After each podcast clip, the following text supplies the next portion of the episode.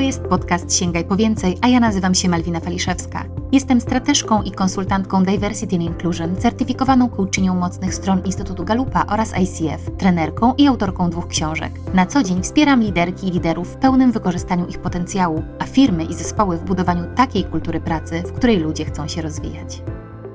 Dzień dobry, witam Was serdecznie w drugiej części podcastu z Anią Karecką. Tym razem, tak jak zapowiedziałyśmy, będziemy kontynuować temat emocji i tak nadałyśmy sobie taki roboczy tytuł temu dzisiejszemu spotkaniu Porozmawiaj ze swoją emocją. Bardzo serdecznie witam Cię Aniu w dzisiejszym odcinku. Dzień dobry, witam, witam serdecznie. Ania, te podcasty z Tobą cieszą się dużą popularnością. Nie wiem, co to za magia, ale chyba dobrze nam idzie rozmawianie razem, bo, bo mają dużo odsłuchań. To już jest czwarty odcinek, w którym razem rozmawiamy.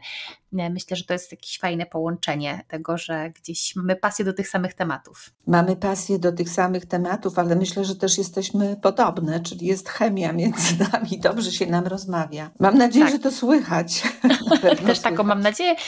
Myślę, że y, liczba odsłuchań pokazuje, że, że tak, to słychać. No ale dzisiaj o tych emocjach, więc no właśnie, to jest taki temat, który też budzi dużo emocji, emocji. budzi dużo tak. zapytań, ale zacznijmy od takich podstaw. Co to są w ogóle te emocje? Trudno jest zdefiniować emocje. Ja nawet próbowałam gdzieś znaleźć jakąś definicję mm, emocji i jakoś żadna z tych definicji do mnie nie, jakoś mnie nie przekonywała. I niby każdy wie, co to są te emocje, tak? Ale, ale trudno je zdefiniować. Na pewno jest y, w emocjach istotne to, że one się pojawiają nagle i wiążą się z jakimś czy wydarzeniem, czy jakimiś myślami, czy jakimiś innymi czynnikami, które te emocje wywołują. Czyli można powiedzieć, że występują nagle i też mają charakter subiektywny czyli na nas mogą wywołać jakąś, jakieś wydarzenie, jakąś emocję na wysokim poziomie, a na, na, na drugą osobę w ogóle nie wpłynąć, albo na mhm. inną emocję wywołać. Więc ta subiektywność jest tutaj, ma ogromne znaczenie. Natomiast y, chciałam też powiedzieć, że myśląc o tym w ogóle skąd się biorą emocje, bo myślę, że to chyba jest też dobre pytanie, to odpowiedź jest prosta. One są wynikiem naszej biologicznej konstrukcji. I badania dowodzą, że każdy z nas, zanim uruchomi rozum, najpierw reaguje emocjonalnie. Mhm. I okazuje się, że jest to właśnie uwarunkowane tylko i wyłącznie budową y, naszego mózgu. A wszystkiemu winne jest y, malutkie ciałko, które nazywamy jądrem migdałkowatym. Mhm. I to do tego jądra migdałkowatego najpierw docierają bodźce, i one są tu oceniane w sposób emocjonalny, zanim dotrą do odpowiednich części mózgu odpowiedzialnych za procesy świadome. Mhm. A my tak często myślimy, przepraszam, że ci przerwę, tak, tak. Że, że my tacy jesteśmy racjonalni, a to jednak pierwsza jest emocja. Pierwsza jest emocja i warto o tym wiedzieć.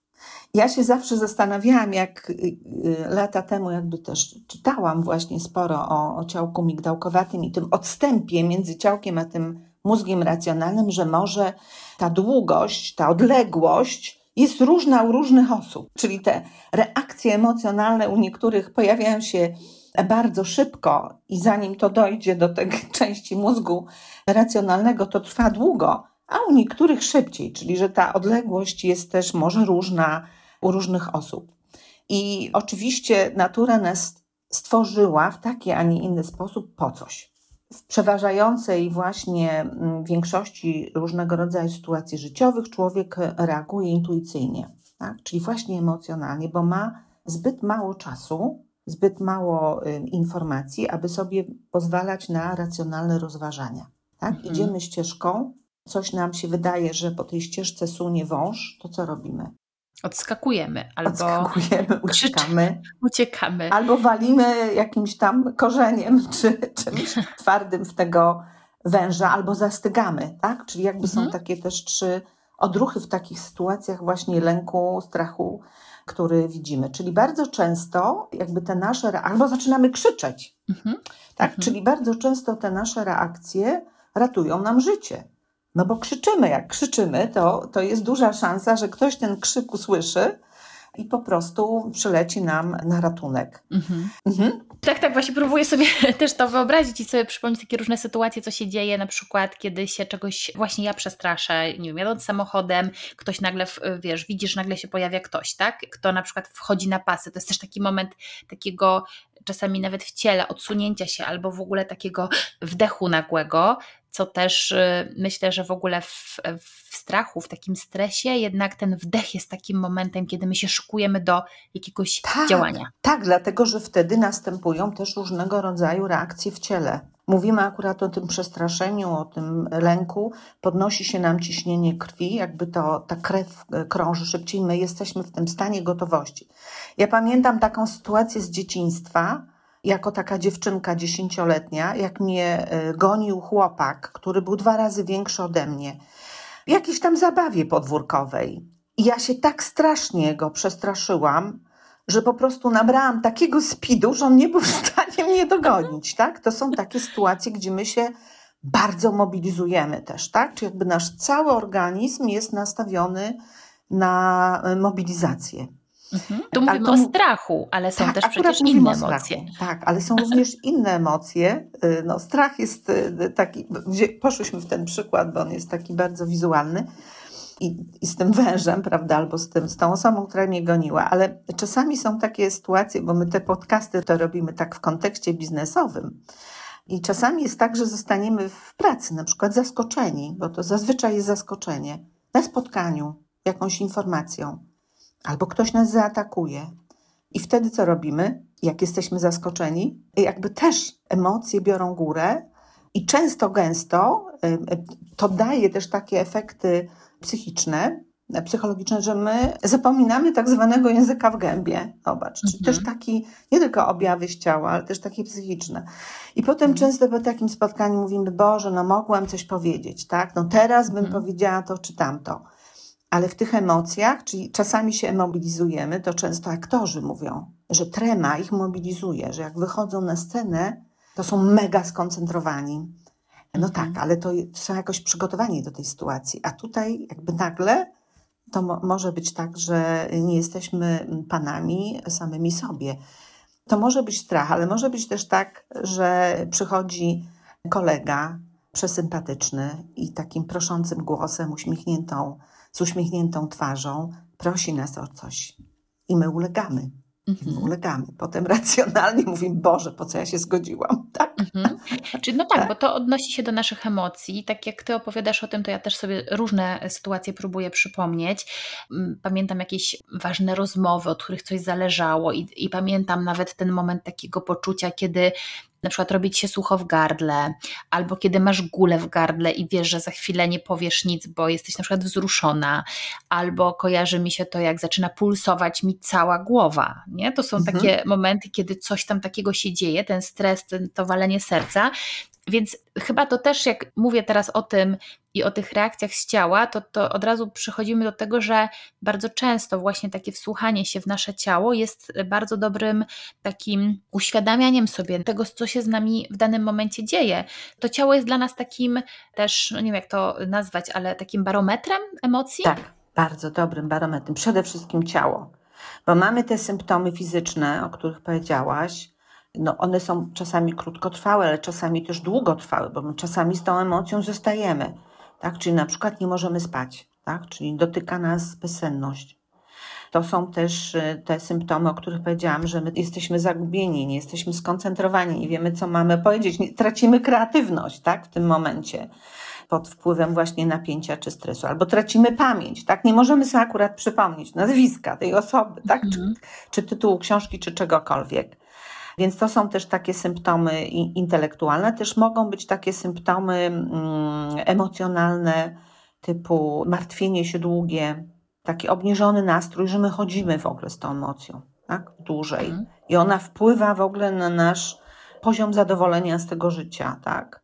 Już nie mhm. mówiąc o takich e, zachowaniach, które też bywają autodestrukcyjne, czyli zaczynamy, tak, zdenerwowałem się, to palimy, sięgamy po papierosa, czy muszę coś zjeść, tak? To jest też mhm. taki symptom, że, że zajadamy emocje. Już tak, nie mówiąc o mówi. alkoholu czy jakichś lekach, które bierzemy, żeby się uspokoić. Tak, tak myślę o tym w ogóle, że by tak nam uporządkować tę wiedzę o tych emocjach, to już oczywiste jest to, że mówisz, badania też to dowodzą, że emocja jest pierwsza, potem pojawia się jakaś reakcja na, na nią też i, i jakieś nasze racjonalna odpowiedź.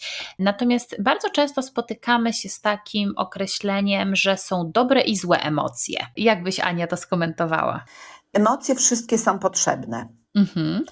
Tylko jest kwestia tego odbierania tych emocji przez nas, tak? Czyli tutaj mówimy, czy one są pozytywne, czy one są negatywne. A bardziej wszystkie są potrzebne. Nie są potrzebne w nadmiarze, czyli wtedy, kiedy one mm, powodują, że my przestajemy być skuteczni, albo je długo nosimy, albo bym powiedziała patologicznie to już wpływa na nasz nastrój. Mhm. Bo rzeczywiście jest tak, że no, świat cały czas nam dostarcza coraz to nowych bodźców i my ewolucyjnie jako człowiek nie do końca jesteśmy przystosowani do tak dużej ilości czy informacji, czy bodźców. Zobacz, jesteśmy cały czas atakowani bodźcami. Tak już sam fakt, że mamy telefony komórkowe, że jest internet, że jest telewizja, jakby media różnego rodzaju, tak? I co chwilę do nas docierają informacje, które kiedyś nie docierały.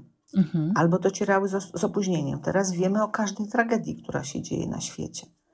To wszystko na nas wpływa i ten organizm on nie jest za bardzo dostosowany do tego, żeby sobie z tym wszystkim radzić. Ale one są potrzebne, tylko nie w nadmiarze. I Mhm. jak się mówi o rodzajach emocji, to ciekawe, to taka najmniejsza ilość, bo to jest ilość tych emocji, niektórzy mówią sześć, tych podstawowych, niektórzy mówią osiem, niektórzy dziesięć. No i oczywiście są różnego rodzaju pochodne tych emocji.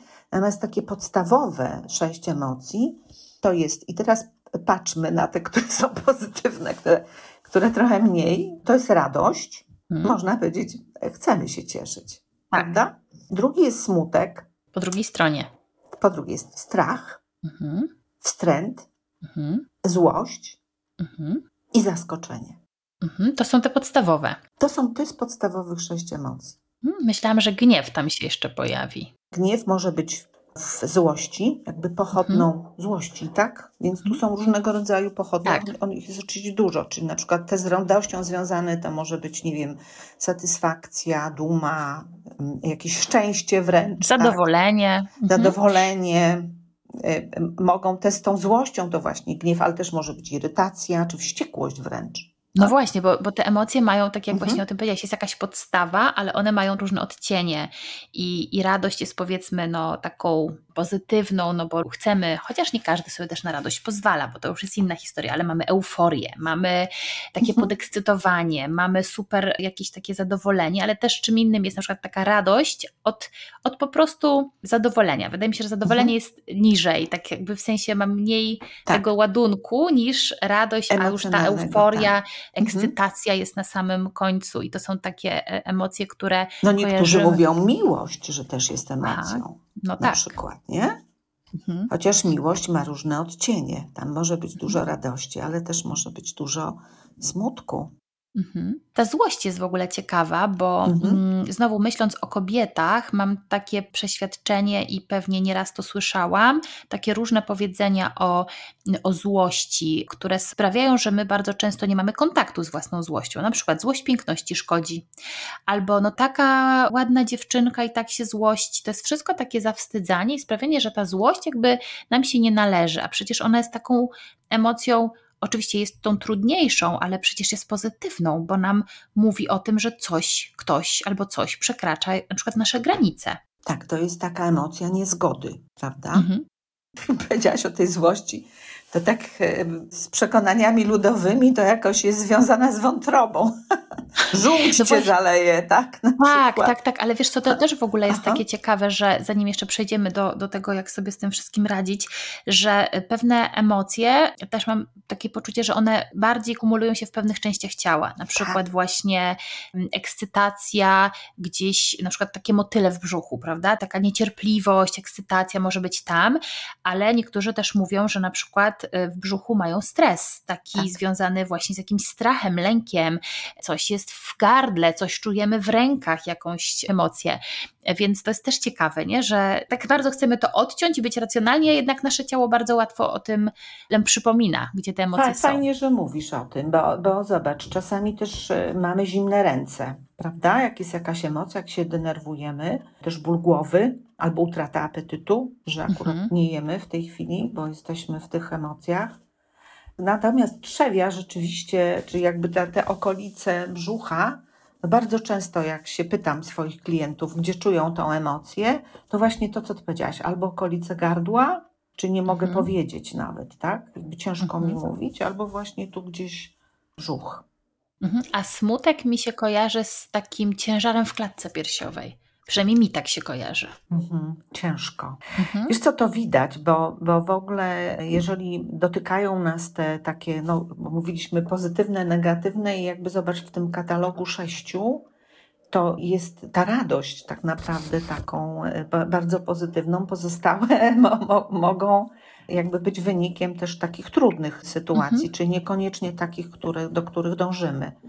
No bo do Mhm. radości to dążymy, wiadomo, ale do smutku to już może niekoniecznie. I, I czasami widać po postawie ciała, jak kto się czuje. To jest w ogóle ciekawa, teraz tak sobie pomyślałam, kiedyś się interesowałam kinezjologią bardzo. To jest taka, może nie do końca nauka potwierdzona, ale na pewno wiele elementów jest e, tutaj prawdziwych.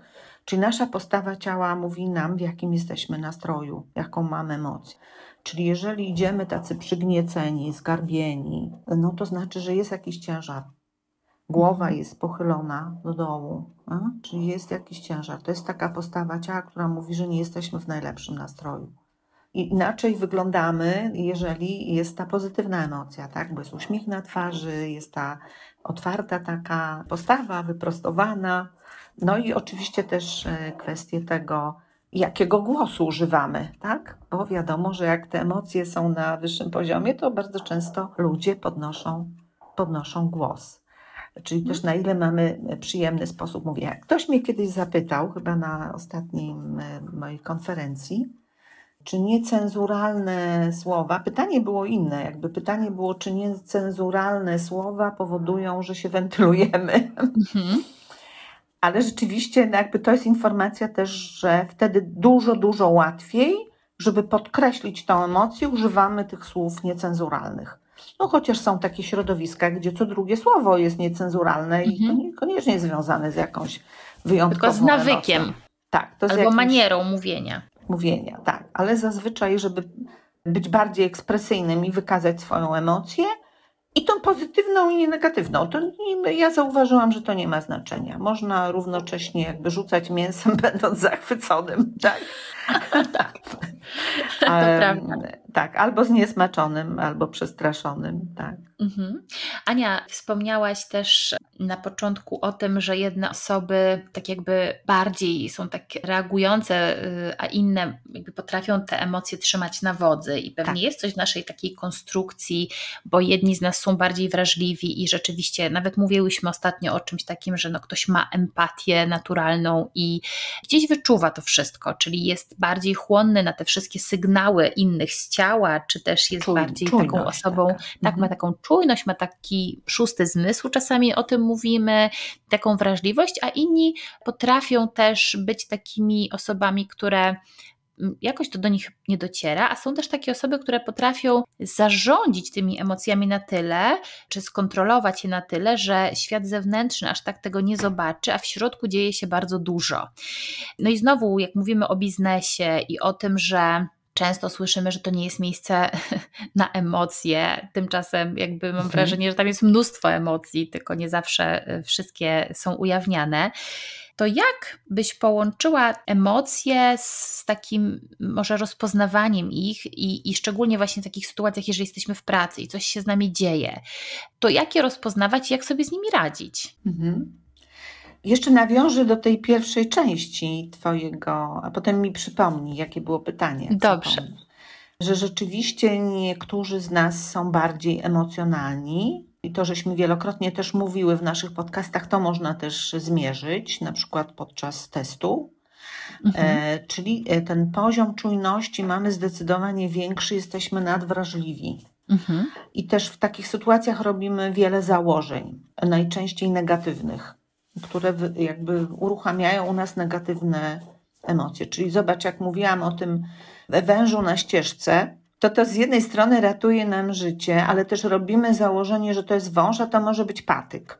Mhm. I tak samo jakby w takim życiu biznesowym możemy robić wiele założeń, że ktoś na przykład ma o nas złe zdanie, albo ma jakąś intencję mm, inną niż rzeczywistości ma, i jakby uruchamiamy cały, cały poziom emocji wtedy, jakby nie, nie sprawdzając tego. Czyli są osoby, które są bardziej czujne, tak? Czyli mają tą emocjonalność większą, też, też poziom obawy mają większy. Mhm. A są takie osoby, które są bardziej łagodne w tym, tak? Czyli jakby nie biorą wszystkiego za złą monetę, są po prostu bardziej pewni siebie. Są bardziej pewni swoich wartości, siebie, czyli mają wyższe poczucie własnej wartości, i też poziom lęku i obawy mają mniejszy. I one mhm. są mniej narażone. I one jakby mhm. spokojniej reagują. To to mówiłam, że właśnie ta odległość między tym ciałkiem migdałkowatym a rozumem pewnie u różnych osób może być właśnie różna. To tak metaforycznie pewnie metaforycznie. to tak jest. Mhm. Metaforycznie oczywiście. Kiedy jesteśmy w środowisku biznesowym, no i te różne emocje do nas dochodzą, to jak sobie z nimi radzić, jak je rozpoznawać i co robić, żeby nie wpadać na przykład w furię i nie krzyczeć na ludzi, ale też no, zachowywać się tak, żeby z jednej strony no, te emocje były z nami, ale też, żeby one może nie krzywdziły innych, jeżeli są trudne, żeby reakcje nasze na nasze emocje nie były krzywdzące dla innych. To jak mhm. sobie z tym radzić? Jakby chciałabym jeszcze zrobić wstęp, bo po pierwsze mają ludzie różną emocjonalność, ale mają też, y, to jest jakby związane z ich energią, czyli albo te emocje pokazują, bo są ekstrawertykami, tak? Czyli jakby te emocje są na wierzchu i one muszą. Muszę, bo się uduszę. Hmm. Czyli jakby te emocje pokazują, pozytywne też, zobacz jakie to jest fajne, bo one pokazując pozytywne emocje, one pokazują też zaangażowanie i to jest często bardzo zaraźliwe. Więc ludzie podążają za takimi osobami, które te pozytywne emocje pokazują. Ale są osoby, introwertycy, którzy jakby z definicji nie pokazują emocji, one nie lubią jakby w ogóle ostentacyjnych zachowań i tu jest jakby poker face, tak? Czyli mhm. twarz pokerowa. Nie pokazują emocji. I tych pozytywnych, i tych negatywnych, więc mhm. one je gdzieś w ciele kumulują i to jest, jeżeli chodzi o negatywne emocje, no to jest, bym powiedziała, bardzo obciążające dla organizmu, bo tak jak powiedziałyśmy, tak jakby są sygnały z ciała i jeżeli one w jakiś sposób nie zostaną zarządzone, tylko jakby trzymamy to w sobie, nosimy, no to gdzieś po jakimś czasie zaczynamy mieć już objawy takie somatyczne związane z różnego rodzaju dolegliwościami somatycznymi, tak? Mhm. Czyli ten długi stres powoduje, że zaczynamy chorować, po prostu mówiąc wprost. Czyli mhm. gdzieś mamy problemy z nadciśnieniem, z sercem, z żołądkiem, z trawieniem, tak? Różne. Tak. Więc jakby tutaj jeszcze trzeba patrzeć na całą osobowość, że są ludzie, którzy pokazują, a są tacy, którzy nie pokazują. I też to, co powiedziałaś, nie pokazują, bo są introwertykiem, albo nie pokazują, bo uważają, że to nie jest ok, pokazywanie mhm. emocji w pracy. Czyli tak. zakładają różnego rodzaju maski bo uważają, że okazywanie emocji wszelkich jest nieprofesjonalne. Mhm. No właśnie, a jakie jest? Profesjonalne czy nie? I gdzie jest autentyczność w tym wszystkim? No właśnie. Zobacz, jaki jest teraz trend, y, ogromny trend na zdrowie psychiczne w pracy. Ile się poświęca czasu w tej chwili, wręcz budując strategie HR-owe różne, tak? jakby poświęcając na to zupełnie osobny obszar dbania o zdrowie psychiczne pracowników, taki ich dobrostan i taką e, swobodę emocjonalną, czyli to zaczyna być ważne. Już pracodawcy zauważyli, że to jest ważne, żeby ludzie też normalnie się zachowywali, czyli żeby byli po prostu autentycznie, bo inaczej to po pierwsze na nich to źle działa, a po drugie cała reszta też nie wie o co chodzi. Mhm. Jak no tak, jesteśmy tak, ale... nie, nieautentyczni, to to widać. To, to, to widać. Tego się no. nie da ukryć. Tego się nie da ukryć. Czyli jak ktoś mhm. hamuje emocje i stara się tutaj mm, tą pokerową twarz pokazywać i tak dalej, to i tak ludzie wiedzą, że to jest jakiś fałsz. Mhm. Wyczuwają to. Wyczuwają to, to tak. My to, Albo my to czują wyczuwamy. się niekomfortowo, bo Hmm? czują się niekomfortowo, no bo po drugiej stronie mają takie poker face, że nie wiedzą w ogóle, jak mamy się ustawić do tego, jak, jak mam zareagować, no bo nie wiem, jednak to jest nam potrzebne. Wyraz twarzy, jakaś emocja u kogoś innego jest dla nas informacją, no co w związku z tym, czy, czy ja Tak. robię komuś krzywdę, czy ktoś jest Dokładnie. zadowolony z tego, że ze mną jest, to jest częścią naszej komunikacji. To jest częścią nas, naszej komunikacji i jest to nam potrzebne. I ja ośmielę się powiedzieć, że wchodzenie w, w taką nieautentyczność, czyli jakby świadome zakładanie różnego rodzaju masek, jak dla mnie to są pewne symptomy manipulacji. Mhm. Dlatego, że ja w ten sposób mogę, ja nie mówię muszę, ale dla mnie to mogą być też jakieś e, objawy manipulacji, tak? Mhm. że ja w jakiś sposób no, też wpływam na innych, świadomie, mając e, taki, a nie inny wyraz twarzy, czy tak czy inaczej się zachowując, nieprawdziwie z rzeczywistością. Hmm? Mhm. No właśnie, i teraz idąc dalej, myślę sobie dobrze, to, to jak w takim razie znaleźć tą równowagę pomiędzy tym, że ja czuję, że jakaś emocja wzbiera we mnie i ona może być z tej kategorii tych przyjemnych, ale może być z kategorii tych mniej przyjemnych, to jak mamy sobie z tym poradzić, kiedy jesteśmy w miejscu pracy i raczej oczekuje się od nas profesjonalizmu, ale też no, nie oczekuje się od nas bycia robotem i tak jak mówisz, to bycie robotem i takim człowiekiem, który chce manipulować i, i oszukuje tym, maskuje, wkłada te maski, to też nie jest okej, to, to co zrobić, Ania, żeby poradzić sobie z tymi wzbierającymi emocjami? Mówisz o takiej sytuacji, kiedy jesteśmy zaskoczeni. Na przykład. Tak?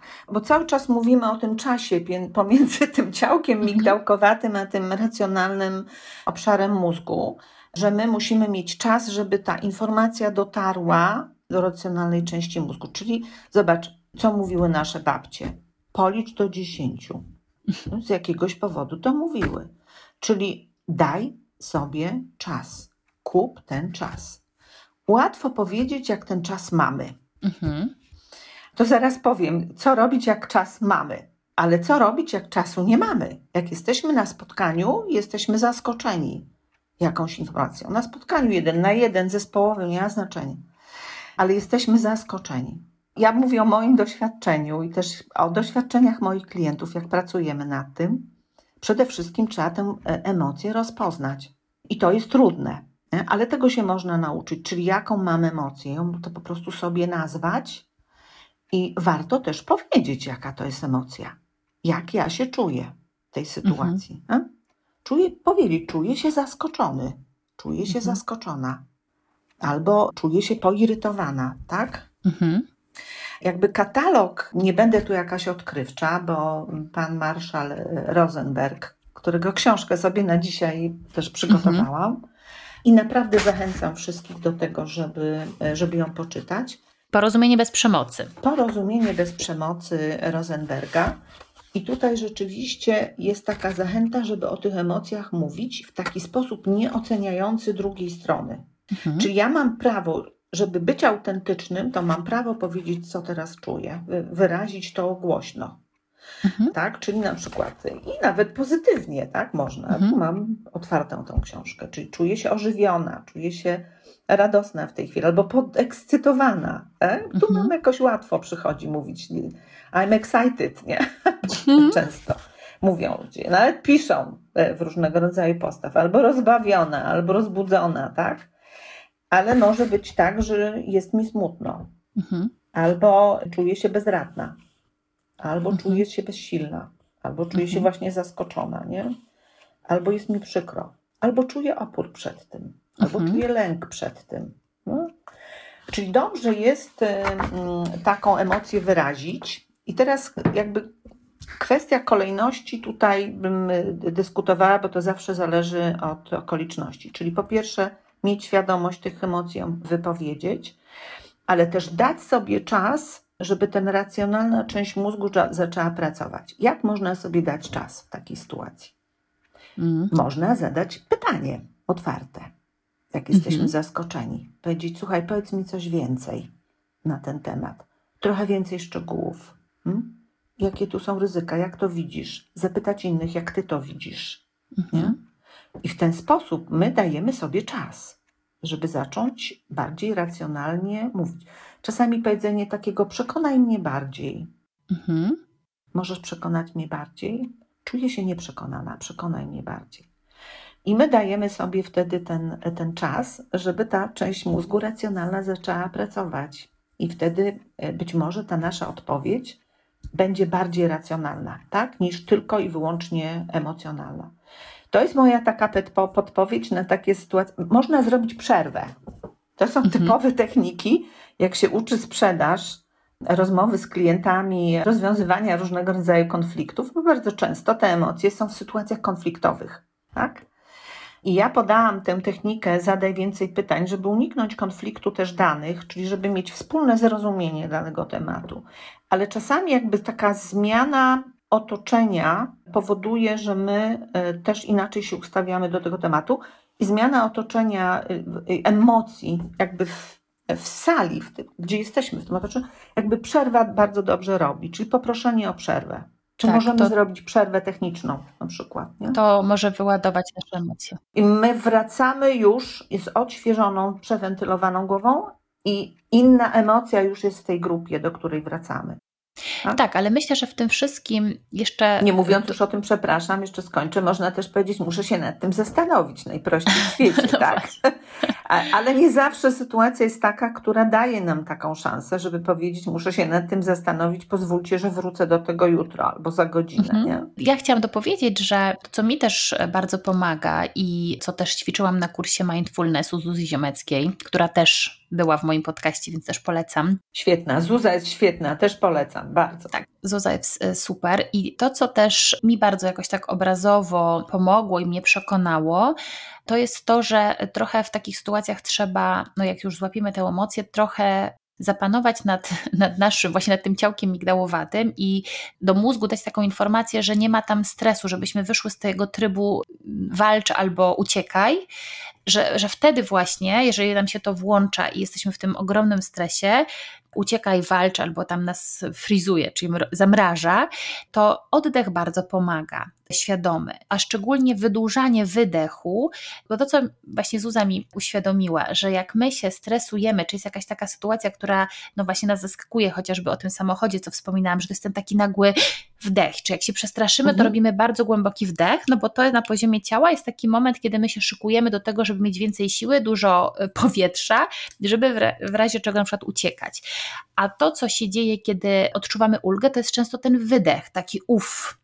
Więc to wydłużanie oddechu w tej sytuacji, czego może nikt nie widzieć, kiedy gdzieś mhm. jesteśmy, mhm. takie nawet dwa czy trzy oddechy bardziej świadome, takie skupienie się y, na sobie, może nam też, no właśnie, trochę ostudzić ten, ten moment trudności, bo z jednej strony sobie wyobrażam też, Ania, że może być też tak, że ktoś zrobi tą przerwę, ale tak się będzie dalej nakręcał, że się nie uspokoi, nie? Tak, że, że, że ta przerwa być. jeszcze go podkręci, więc dlatego jak myślę sobie, że może trzeba jeszcze czasami to stonować, to jakby do tych Twoich technik dodać jeszcze oddech. Oddech jest świetny, tak. Bardzo dobrze, że o tym powiedziałaś.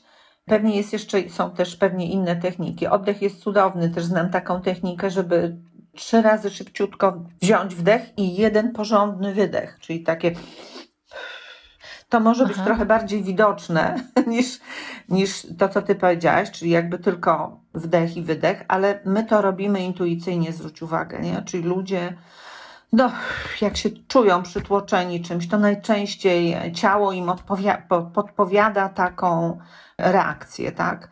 Wiesz mhm. co, ciężko jest w takich sytuacjach rzeczywiście też wejść w taki tryb ja okej, okay, ty okej, okay tak? Mhm. Szczególnie w sytuacjach takich konfliktowych, czyli żebyśmy się przestali obwiniać w, tym, w takim momencie, bo my bardzo często się obwiniamy, że coś jest przeciwko nam.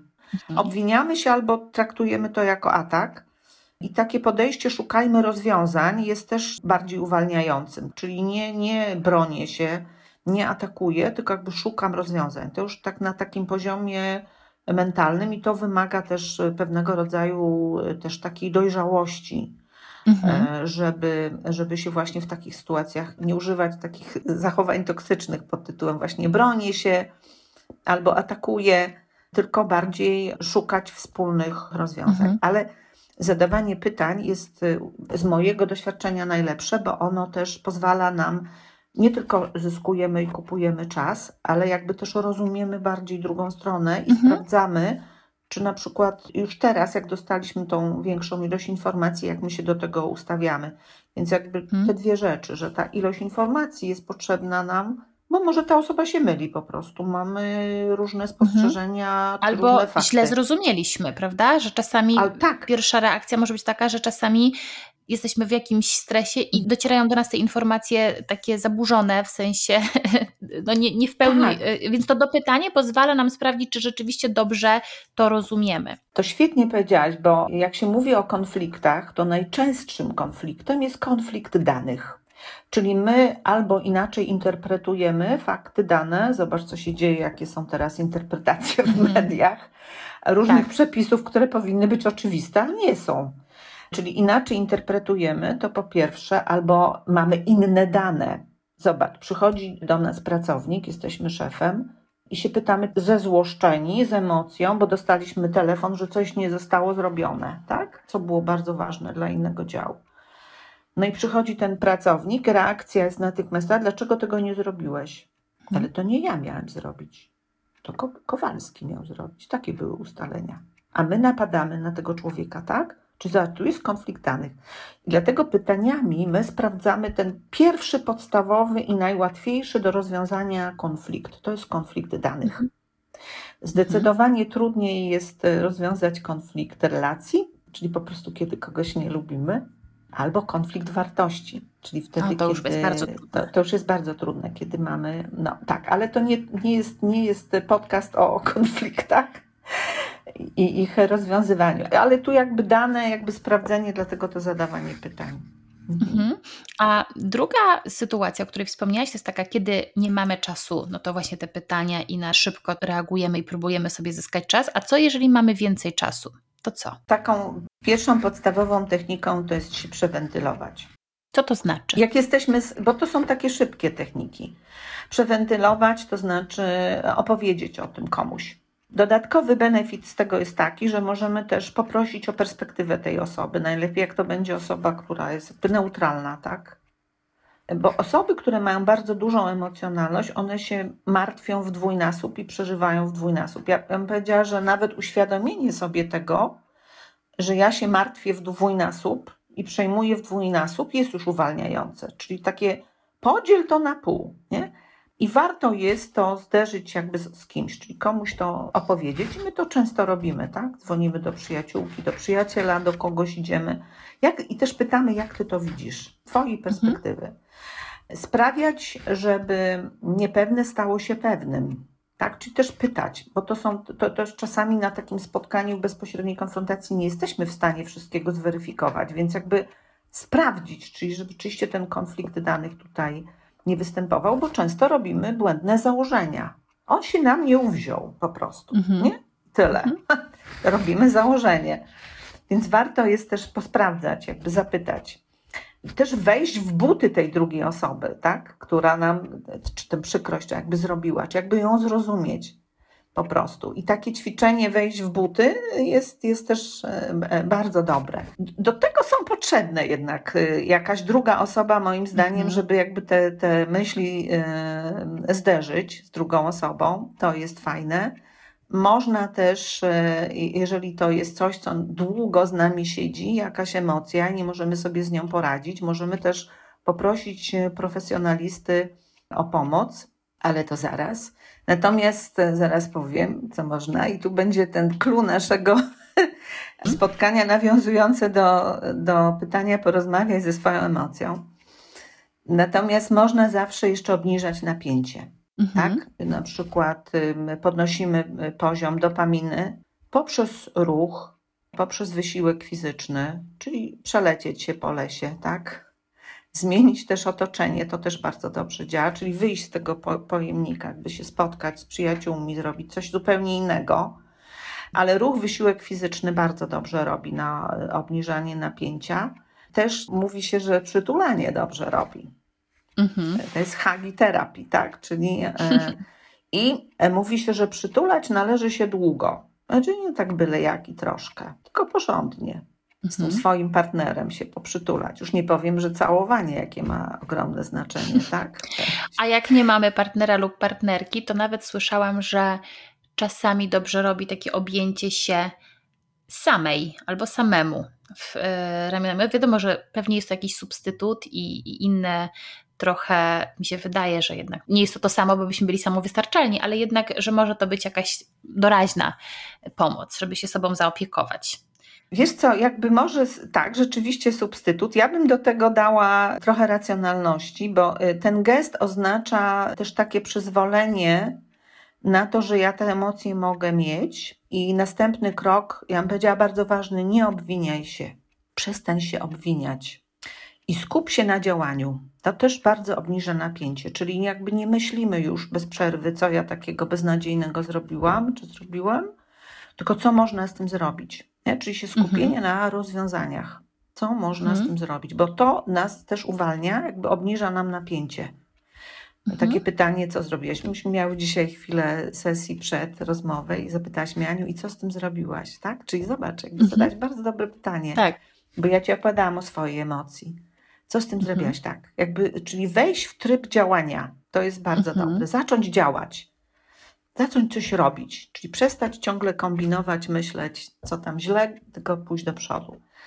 Oczywiście też e, no, są różnego rodzaju też techniki takie, które w dłuższym okresie czasu nam podnoszą poczucie własnej wartości, ale to już może innym razem. Natomiast teraz chciałam przejść do tej porozmawiaj ze swoją emocją. No właśnie. Porozmawiajmy że- z nią. No właśnie, porozmawiaj z nią, bo to jest taka technika, trochę, trochę tutaj odkryję. To jest taka trochę technika, która mówi, żeby przede wszystkim zdefiniować tą emocję, żeby ją nazwać, zastanowić się, mm, co ja takiego czuję, gdzie ja to czuję. Tak? To są takie pytania, które możemy sobie zadać. Jaka to jest emocja? Nazwać ją po prostu.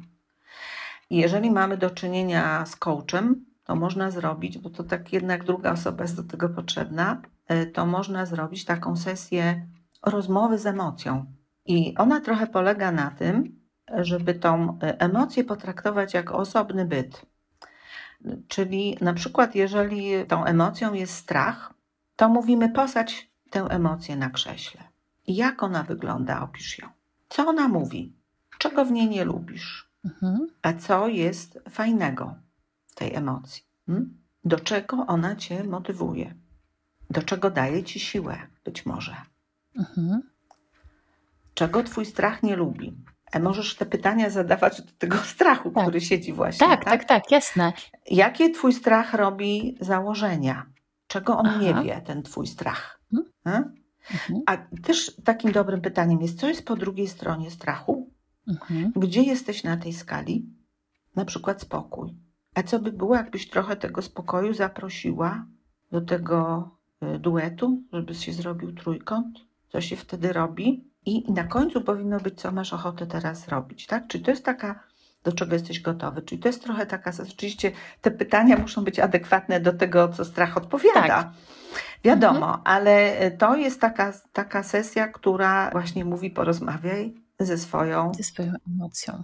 emocją i trochę ją tak, zaopiekuj się nią. Mhm. No bo za emocjami też stoją nasze potrzeby. Tak. I one to być może czasami, jak nie mamy nawet czasu, czy nie wiemy, jak zrobić taką sesję, czy jakoś nam to nie idzie, to też takim pytaniem, czego ja potrzebowałabym najbardziej na świecie teraz w tej sytuacji, może nam odkryć, no właśnie, co my musimy znowu zrobić, żeby sobie to zapewnić. I też e, te emocje są dla nas bardzo, bardzo dużym źródłem informacji. Tak, one są y, dużym źródłem informacji o nas. O nas, jakim jesteśmy człowiekiem, jakie są nasze wartości, bo jeżeli te emocje są na wysokim poziomie, no to jest, to, to jest takie bardzo widoczne wtedy. Czyli jakie mamy wartości, czyli co dla nas jest ważne, nie? czego potrzebujemy, tak jak powiedziałaś, czego potrzebujemy do, tego, do tej równowagi emocjonalnej. To jest też taka informacja, bo oczywiście my możemy sobie radzić z emocjami negatywnymi, bo to głównie mówimy o tych negatywnych, bo, bo pozytywnych to y, powinniśmy szukać. Jakby jak mówimy o zarządzaniu emocjami, to jakby po drugiej stronie skali powinniśmy szukać takich sytuacji, kiedy my możemy mieć tych emocji pozytywnych i sobie je planować. Zaplanować Mhm, Co to znaczy sobie. zaplanować? Jak? zaplanować sobie dobrą emocję. Przepraszam bardzo, no idę dzisiaj e, z przyjaciółką do kina na dobry film albo na spotkanie, tak? Ja sobie Mhm. planuję fajną, dobrą emocję. To też fajne, że o tym mówisz, bo, bo to też tak być może nie jest takie oczywiste, ale jednak to, że my wybieramy jakieś rzeczy, które na przykład są dla nas przyjemne, są dla nas relaksujące, są dla nas radosne, to też równoważy, prawda? To takie zarządzanie tym swoim balansem. Tak, i, i, i, ja bym zachęcała do tego, żeby planować, bo zobacz, jak planujemy wakacje, powiedziałaś Malwina mi już jakiś czas temu, że planujesz duże wakacje. To Mhm. jak my planujemy te wakacje, to my już się cieszymy. Zobacz, jak je planujemy trzy miesiące wcześniej, to my się już cieszymy. Jakby ten okres radości jest dłuższy niż kiedy spontanicznie powiemy, jutro lecimy. Tak? Mhm. Ja zachęcam dlatego do tego, żeby te przyjemne emocje planować, bo wtedy się dłużej, dłużej cieszymy. To, to jest. Okej. Kiedyś mi zadano pytanie właśnie a propos powrotu z urlopu, że to są Mhm. takie trudne te powroty z urlopu, że się przychodzi do pracy pierwszy dzień po urlopie i po prostu jakby dopada nas ta rzeczywistość, a tak fajnie było. I pytanie, jak ja sobie karecka radzę jakby z taką sytuacją? Ja mówię, a planuję zaraz następny urlop. Od razu na tych dobrych emocjach, Od razu, na tych dobrych emocjach od razu mówię, że tam za trzy, czy za cztery, czy za pięć miesięcy, nieważne, wybieram się tam czy tam, tak? I to już, Mhm. to już jakby powoduje, że ja już zaczynam o tym myśleć. Więc planowanie dobrych emocji, ale z drugiej strony też y, naprawdę sprawdzanie, czy środowisko, w którym jestem, mi sprzyja, czyli nie jest nadmiernie toksyczne, czyli relacje, w których ja jestem, ludzie, którymi się otaczam, są sprzyjający mi. Mhm. To bardzo ważne, bo to jest taki czynnik higieny. Absolutnie. Nie do końca, to nie chodzi o to w życiu, żebyśmy ciągle walczyli ze swoimi emocjami, tylko żebyśmy jednak tworzyli takie środowisko, które jakby sprzyja temu, żebyśmy byli w dobrych emocjach. Czyli Mhm. żebyśmy mieli partnera, który nas kocha i wspiera, żebyśmy mieli dobrego szefa i żebyśmy mieli dobrych współpracowników, którzy też nas akceptują, doceniają i te relacje są dobre, czy jakby też eliminujemy takie konflikty relacji wtedy, tak, które są trudne, czy konflikty wartości. Bo jak Mhm. jest dobra intencja, to zazwyczaj wszystko się da rozwiązać, tak? Jakże jest dobra intencja po obydwu stronach, no nawet trudne sytuacje e, powodują, że jest dobra wola do tego, żeby e, ten temat rozwiązać, a nie podnosić jeszcze, nie? Mhm. Tak jeszcze bym dodała do tego, że żebyśmy dbali o to, żeby mieć dobrych ludzi wokół siebie, tak w skrócie to powiem, ale też czasami może warto się zastanowić, czy my jesteśmy też dobrzy dla innych. I czy to nie tylko jesteśmy w trybie roszczenia, tylko w trybie również takiego obdarowania. O Jezu, jakie to ważne, co powiedziałaś, Alwina. Bardzo ważne. No tu jest niestety, czy stety, give to get. Mhm. To jest tak, że jeżeli my, to jest ta reguła wzajemności, tak? Czy wdzięczności psychologii, tak? Czyli jeżeli my będziemy dla innych dobrzy, doceniający, sprawiedliwi, z dobrą intencją, to najczęściej też to dostajemy. No, poza jakimiś tam sytuacjami patologicznymi, wiadomo. Dobro wraca, mówi się dobro wraca. Dobro wraca. To podsumowując, Ania, chciałam Ci bardzo podziękować. Tak podsumowując naszą rozmowę, to kończę z taką konkluzją, że wszystkie emocje są ważne. Jedne przeżywa nam się przyjemniej, inne mniej przyjemniej, ale każda z nich jest ważna, bo niosą za sobą jakąś informację o naszych potrzebach. Kolejna rzecz, że często, znaczy, że w ogóle te emocje są pierwsze i żeby dobrze reagować racjonalnie, też warto rozpoznać, jaka ta emocja jest, warto słuchać swojego ciała.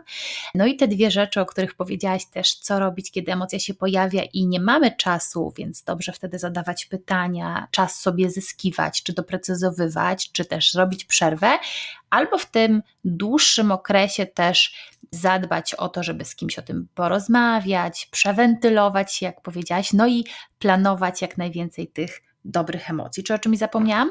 Nie, myślę, że nie. Myślę, że podkreśliłaś najważniejsze rzeczy. No dobrze. To Aniu, bardzo serdecznie Ci dziękuję. Ciekawa jestem, co Wy wyciągacie z, z tej rozmowy o emocjach. Jeżeli macie ochotę się podzielić w komentarzu, czy do nas napisać gdzieś pod postem, czy napisać po prostu do nas, to, to bardzo serdecznie zapraszamy i życzymy jak najlepszych emocji i kontaktu ze swoimi emocjami. Dzięki. Dziękuję bardzo, dziękuję za rozmowę. Do widzenia. Jeśli podobał Ci się ten odcinek, udostępnij go znajomym. Podziel się komentarzem na LinkedIn, Instagramie lub Facebooku i włącz się do dyskusji w temacie tej rozmowy. Zasubskrybuj mój kanał, aby być na bieżąco z najnowszymi odcinkami. I powodzenia w Twoim sięganiu po więcej.